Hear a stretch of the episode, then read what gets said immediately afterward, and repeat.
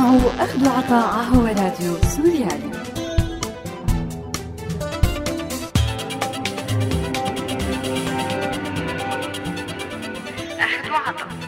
النظام اليوم خرق الهدنة آه، أجل الفريق آه، فريق الهلال والصليب الأحمر وفي 35 سيارة تقريبا آه، رتل في عوائل ومصابين وكذا إلى آخره.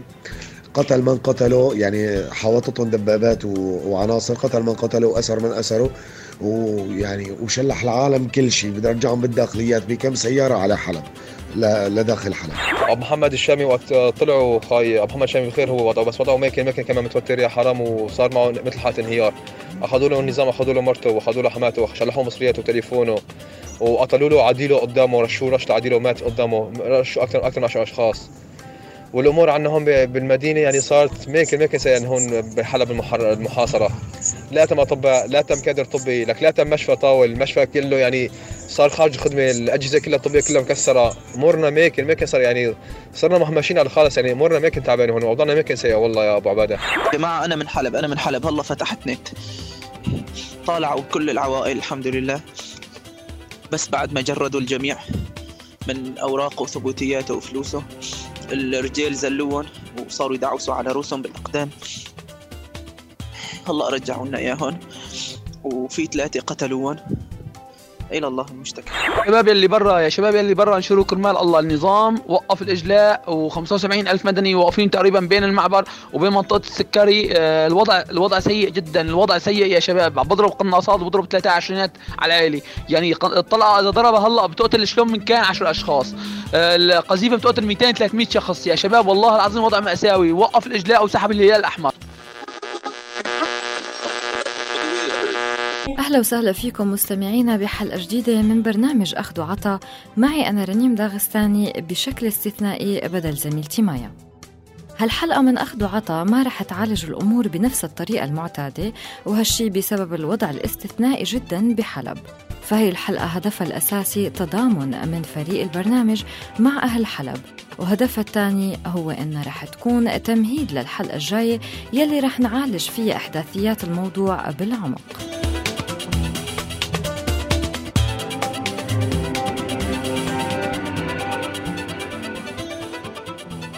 من شهر 6 سنة 2012 أربع سنين حصار مرت خلال مدينة حلب بأسوأ الأوضاع الإنسانية من قتل قصف تجويع وتدمير كامل حتى للبنى التحتية. أكثر من مئة ألف محاصر بمناطق حلب الشرقية. دخلت عليهم قوات النظام مدعومة بالطيران الروسي وميليشيات حزب الله بتاريخ 12-12-2016 والأحياء يلي تم الدخول عليها هي أحياء الشيخ سعيد وباب المقام أو الكلاسة وبستان القصر أو الصالحين أو الفردوس بشكل كامل وأجزاء من أحياء الأنصاري الشرقي والزبدية والإذاعة وصلاح الدين أو العامرية وسيف الدولة. وسبق السيطرة قصف مدفعي وجوي على الأحياء المحاصرة. هذا الشيء إجا بعد سنوات من استهداف مستمر للقسم الشرقي من المدينة بالطلعات الجوية لكل ما فيها متضمن المدارس والمشافي. نفس العدد من السنوات من ردود فعل لحاملي السلاح بالقسم الشرقي وإطلاق قذائف هاون عشوائية على القسم الغربي من المدينة ضمن دائرة عنف مستمرة. صعد العنف لوصل لمستويات غير مسبوقة. ارتكبت خلال قوات النظام السوري بالاشتراك مع ميليشيات عراقية أفغانية وروسية. عدد من المجازر من ضمنها إعدامات ميدانية بحق المدنيين ومن بينهم نساء وأطفال. قصف مكثف على أعداد كبيرة من التجمعات المدنية والسكنية لصواريخ ارتجاجية وقنابل عنقودية وبراميل وغيرهم. حصار يعني عدم إمكانية خروج المدنيين من الأحياء يعني ما في غذاء. ما في دواء وما في إمكانية للعلاج بحال الإصابة جراء القصف أو غيره. قصف عشوائي يعني الهرب طول الوقت ضمن بقعة جغرافية كل ما عم تصغر والضيقة عليهم بالإضافة للتخاذل العالمي. يعني الخيارات المتاحة أمام المحاصرين هي عبارة عن الموت أو الموت. حصيلة يلي تم إعدامهم ميدانيا كانت حوالي 80 شخص. وسقط عدد غير معروف من الضحايا والجرحى من أبناء المدينة خلال دخول جيش النظام أو الميليشيات مثل وقت أي كارثة من هالحجم هذا الشيء خلى كتير من الناس تتحرك باتجاه أو باتجاه تاني. خليكم معنا لنحكي عن ردود الأفعال.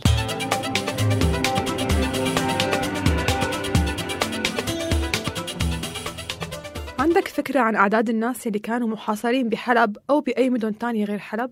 لا آه، أنا كمواطن سوري طبعا عندي فكرة يعني عن أعداد الناس اللي كانوا محاصرين بحلب أو غير حلب حتى. آه، الوضع يعني الوضع بسوريا على طول هو يعني اهتمامنا الأول ومتابعتنا الأولى. آه، بما أني من منطقة يعني كانت معرضة للحصار قبل التهجير كمان اللي هي قدسية فهالشي يعني طبعا يعني بيلفت انتباهنا على طول أو يجذب انتباهنا على طول. آه، هلا آه، اغلب أغلب المنظمات اللي معنية بحقوق الإنسان أو اللي بتشتغل حتى مع المناطق المحاصرة بحلب أو غيرها بيكون عندها أعداد تقريبية للمحاصرين أو المدنيين الموجودين.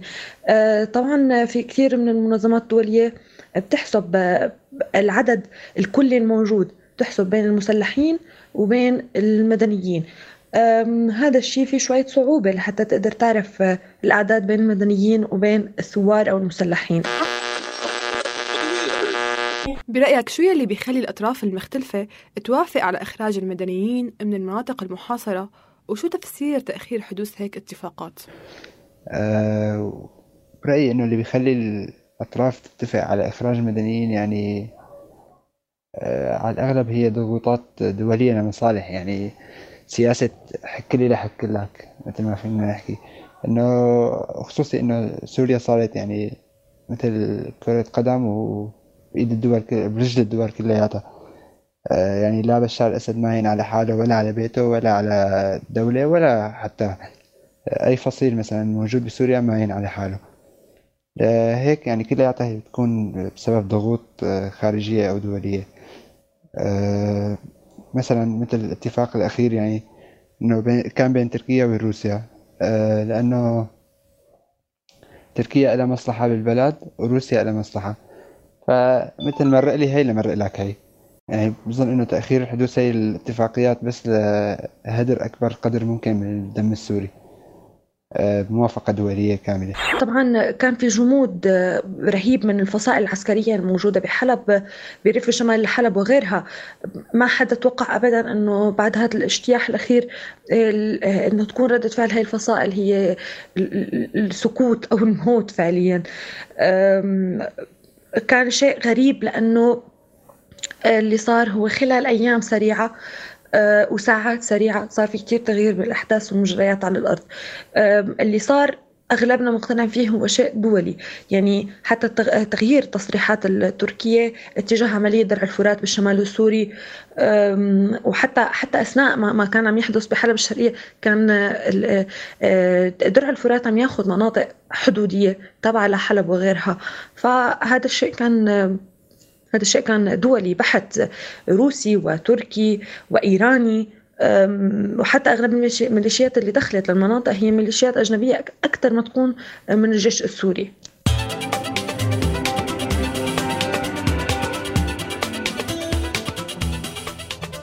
ورغم تصاعد العنف ما ورد عن الأمين العام للأمم المتحدة بان كيمون أمام مجلس الأمن الدولي غير نداء ليلي بيتمتعوا بالنفوذ والسلطة لتخفيف معاناة المدنيين.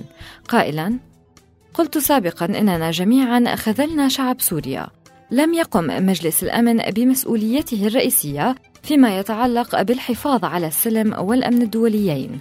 إن التاريخ لن يغفر لنا بسهولة ولكن هذا الفشل يجب أن يدفعنا إلى فعل المزيد لنقدم لسكان حلب تضامننا في هذا الوقت.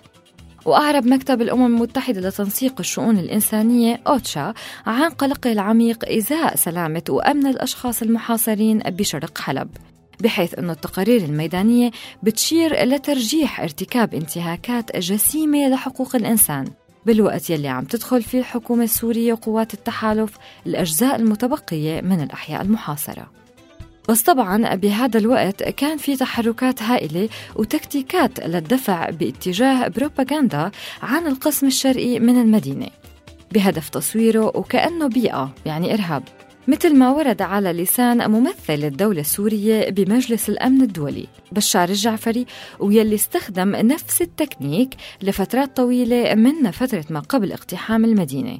الجعفري دعم كل كلامه بصور ودلائل بس بعض هي الصور كانت بالعراق. تكتيك تاني تم استخدامه هو استخدام الصحفية إيفا بارلت يلي كانت موجودة بمناطق سيطرة النظام من عدة أشهر ويلي قدمت حالها كصحفية مستقلة بعدد من المحافل الدولية لتقدم رواية عن كذب معظم وسائل الإعلام العالمية والسورية. ولتقول إن جزء من الإعلاميين القلائل يلي عم يشتغلوا للحقيقة مع مؤسسات تانية مثل روسيا اليوم والإعلام الرسمي. وطبعا هالشي كان من السهل اكتشاف عالم دقته باعتبار عملها الصحفي وملفها الشخصي على الفيسبوك بيوحوا بأنها كانت منحازة بشكل كامل لطرف النزاع المتمثل بالنظام السوري وحلفائه. طلعونا أول دفعة طلعت شيء 200 سيارة. تحت كنا ثاني دفعة كان سيارتنا مثلا بعد 20 10 سيارات طلع كمان ثاني دفعة شيء 100 سيارة. وسيارة مشكله أطفال نساء كذا. إيه، دبرت ثلاث مع سيارة الجمعية واحد سيارات الإسعاف. إيه، وصلنا آخر حاجز على 1070 شقة. وهن كانوا عم دعوسوا على وجاههم عم بيقول له قول له لجماعتك لا يطلعوا لنا جماعتنا من كفرية والفوعة. إيه. وجردوهم حتى من يعني بعض ثيابهم وارسلوهم يعني عراة الاقدام اعتقلوا شيء 40 50 واحد باص وقتلوا شيء 15 20 واحد. تمين قبل الظهر لبعد العصر هالطريقه كذا هيك. بعد أخذوا باص على الأسر ونحن قالوا لنا يلا ركبوا باصات سياراتكم ورجعوا مشان تعرفوا شلون تقطع على الطريق على الكفريه والفوعه وهن يعني لبنانية حصرا يعني في كم واحد حلبي يعني. اخذ وعطا هاي التحركات أدت لفشل اتخاذ قرار بعمل ممرات إنسانية لكن سوء الوضع ساهم بأنه بتاريخ 9/12/2016 تتوصل الجمعية العامة للأمم المتحدة لقرار بيدعو لوقف إطلاق النار بسوريا وخاصة بحلب.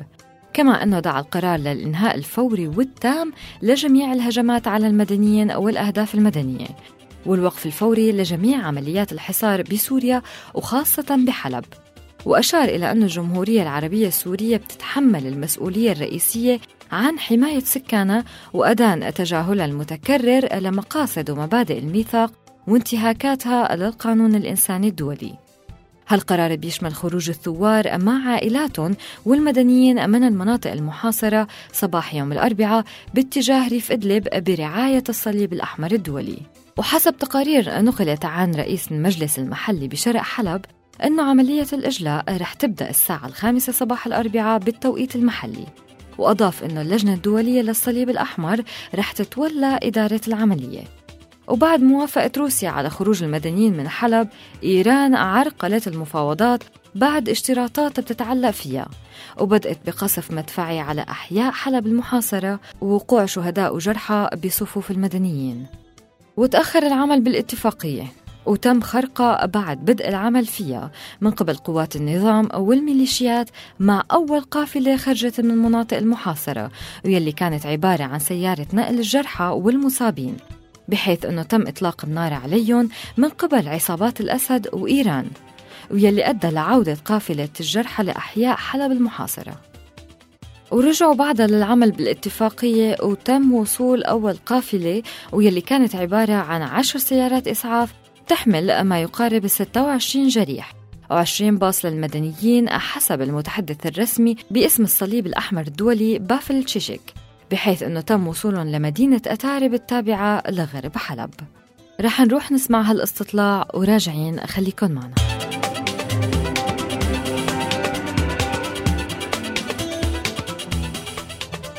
سمعت شيء عن التحركات والحملات المدنية لمناصرة الوضع الإنساني بحلب المحاصرة؟ أو التنبيه حول المآسي اللي عم بيواجهوها المدنيين المحاصرين؟ يعني أنا ما فيني أقول إنه آه إنه اللي اللي صار بحلب هو مجرد حصار آه مثله مثل أي مدينة. آه فعليا حلب هي تعرضت ل لاجتياح كان ممكن لا سمح الله إنه يعيد مجزرة حماة بأيام. أعداد هائلة بمناطق كثير قليلة وصغيرة بمساحة 2 كيلومتر. يتجاوز 80 ألف بني آدم. آه، المناطق اللي دخلها الجيش السوري افتعل فيها جرائم مرعبة. آه، كانت عم توصلنا خلال نداءات استغاثة اعتداءات إعدامات ميدانية. كانت كلها عم توصل. فلذلك آه، كان مجبر الأطراف المختلفة بالصراع أنه توافق على خروج المدنيين. أكيد خروجهم ما هو الحل ولا كان ولا رح يكون هو الحل الدائم لأنه هذا اسمه تهجير قسري آه، بس على القليلة خلينا نحكي أنه كان شيء آه، أقرب ل إنقاذ أرواح فقط هل شاركت بهالنوع من الحملات؟ كيف شاركت؟ اعتصامات، مشاركة على الفيس، وسائل التواصل، أو شو أسباب عدم مشاركتك فيها؟ أه وسمعت عن كثير تحركات مدنية ووقفات واحتجاجات واعتصامات بس أنا من وجهة نظري إنه يعني النظام تبعنا لا أو لا نظام عصابة الأسد يعني أه أبدا مو خرج إنه يعني نعملها بهي الشغلات تبع البشر إنه نتظاهر ضدها ولا نعمل وقفات أمام سفارة أو أمام آه، أي كان أو قنصلية. ولا روسيا ولا إيران يعني همجيتهم وحدة هن كلياتهم آه، يعني هذا النظام ما ما خرج نتعامل معه إلا بالسلاح طبعا هي وجهة نظر يعني وجهة نظري فردية بجوز تكون شغلات نافعة بس أنا قناعتي إنه غير السلاح ما بيحل الوضع مع مع العصابة هي أكيد آه، سمعت بهذا الشيء وأكيد شاركت فيه. أقل ما يمكن نحن كسوريين خارج الأراضي آه، ما ما ما قادرين نقدم ولا شيء غير آه، على القليل نحسس أهلنا اللي بحلب إنه نحن معهم. هذا أضعف الإيمان ممكن إنه نحن نكون معهم فيه إنه نحن معكم ما تاركينكم نحن عارفين شو عم يصير فيكم. نحن حنحكي كلمة حق رح نتظاهر. آه آه، بغض النظر إذا كان كثير بيعتبروا إنه التظاهر والاعتصامات هي شيء غير مفيد ولكن نحن كمان عم نرجع نأكد للعالم إنه نحن بدينا بثورة سلمية وما زلنا سلميين. حتى الآن في في آه، داخل المناطق المحررة بسوريا العديد من المظاهرات خصوصا بهي الأيام هذا الشيء عم يثبت للعالم إنه نحن بعدنا سلميين وبنرفض القتل بكل أنواعه.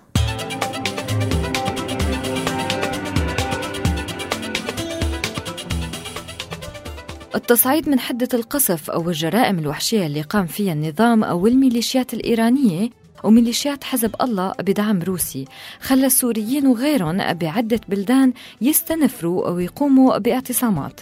البعض منا كان مرخص أو البعض الآخر غير مرخص. بمدينة غازي عنتاب مثلا قام اعتصام غير مرخص تزامن مع وصول الوفد البرلماني الفرنسي لمدينة غازي عنتاب بعد فشله بوصوله لحلب لمساعدته بخلق ممرات آمنة لإجلاء المدنيين.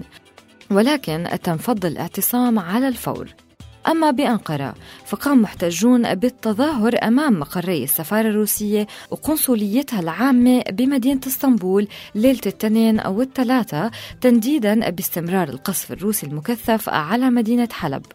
واعتصام غير مرخص عصر يوم الثلاثاء بتاريخ 13-12 أمام السفارة الروسية بالعاصمة الأردنية عمان.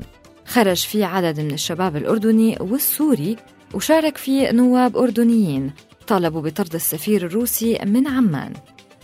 النائب ديما هبوب يلي شاركت بالوقفة أشارت إلى أنه كتلة الإصلاح رح تعمل على استصدار موقف من مجلس النواب للتنديد بما يجري بمدينة حلب. والمطالبة بطرد السفير الروسي تنديدا بالمشاركة الروسية بعمليات القصف والقتل بسوريا. وتزامنت هي الاعتصامات أمام اعتصامات مماثلة بمدن وعواصم عالمية وعربية مثل الكويت والعاصمة الدنماركية وباريس فيينا وبرلين وغيرهم والاحتجاجات مستمرة. أما على مواقع التواصل الاجتماعي شفنا عند البعض خوف من أنه هذا التحرك ما يجيب نتيجة. أو أنه هاي الوقفات ما رح تساعد أهالينا بحلب. والبعض الآخر شاف أنه إلها نتيجة لأنها رح تضغط على العالم ليتحرك وحتى بالداخل السوري طلع قريب العشرين مظاهرة بمناطق المعارضة بمحافظة إدلب وريفي حلب وحمص الشماليين. ريف دمشق مدينة الأتارب بريف حلب الغربي وأخرى بأعزاز بالريف الشمالي إدلب وبلدات بريفة رستن وتلبيسة بريف حمص الشمالي ومدينة سقبا بريف دمشق. وهالمظاهرات دعت فصائل المعارضة للتوحد بمواجهة النظام. وتصدر عن جديد هاشتاج حلب تباد وهاشتاج Save Aleppo على موقع تويتر عالميا وضمت التغريدات يلي إجت تحته تنديد واستنكار للوضع يلي عم تعيشه مدينة حلب. رغم أنه هي التحركات ما أدت إلى أي قرارات غيرت من الوضع على الأرض لكنها ساهمت بالضغط على صناع القرار ولفت نظر رأي الشارع العالمي ليلي عم بيصير بحلب ويلي جزء كبير منه ما فهم التفاصيل وضاع بين الحقيقة والبروباغندا.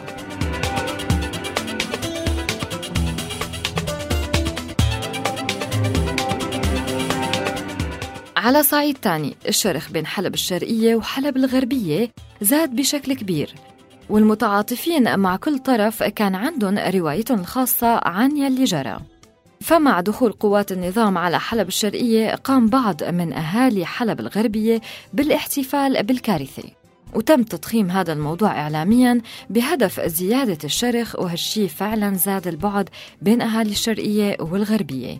مع العلم طبعا أنه بوقت سابق تعرضت حلب الغربية الخاضعة لسيطرة نظام الأسد لقصف عشوائي قذف فيه عشرات الجرحى وبينهم نساء وأطفال على مر السنين الماضية وخصوصي بالفترة الأخيرة. العديد من الفصائل بحلب الشرقية وريف حلب تبنت الموضوع. لكن وبحسب بعض صفحات موالية للنظام يلي نشرت أنه هي الصواريخ روسية الصنع والأطراف يلي بتملكها هي قوات النظام وروسيا. فقد يكون في احتمالية أن القذائف الساقطة على القسم الغربي قد لا يكون السبب في الفصائل الموجودة بحلب الشرقية فقط. هذا الموضوع قد يكون تكتيك إضافي تم استخدامه بالفترة الماضية لزيادة الكره ورفع سقف احتمالية تبرير يلي صار وعم بيصير اليوم.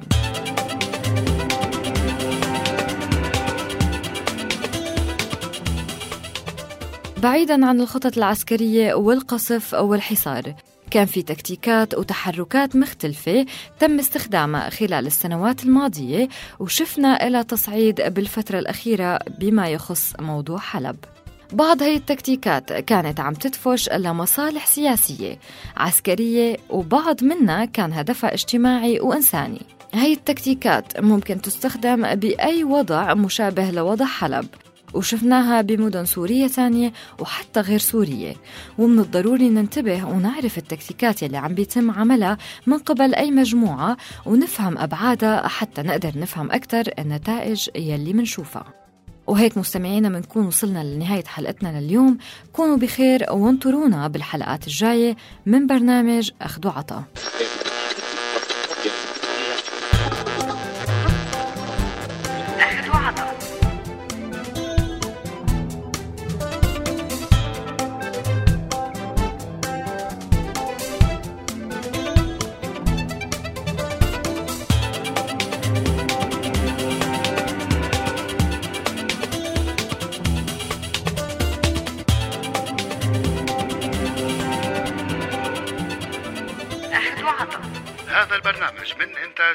هذا البرنامج من إنتاج راديو سوريالي 2016